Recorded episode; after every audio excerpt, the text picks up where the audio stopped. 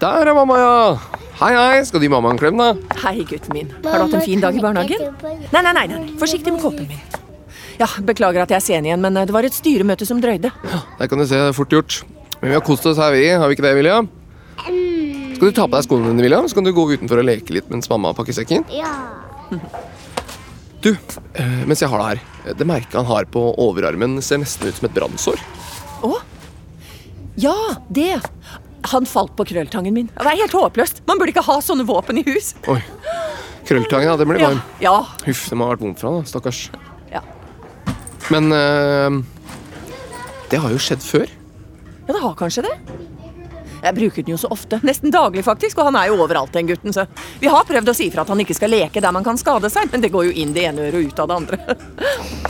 Ja, uansett. Da er vi klare her. William, da er mamma klar. Magefølelsen din kan redde liv.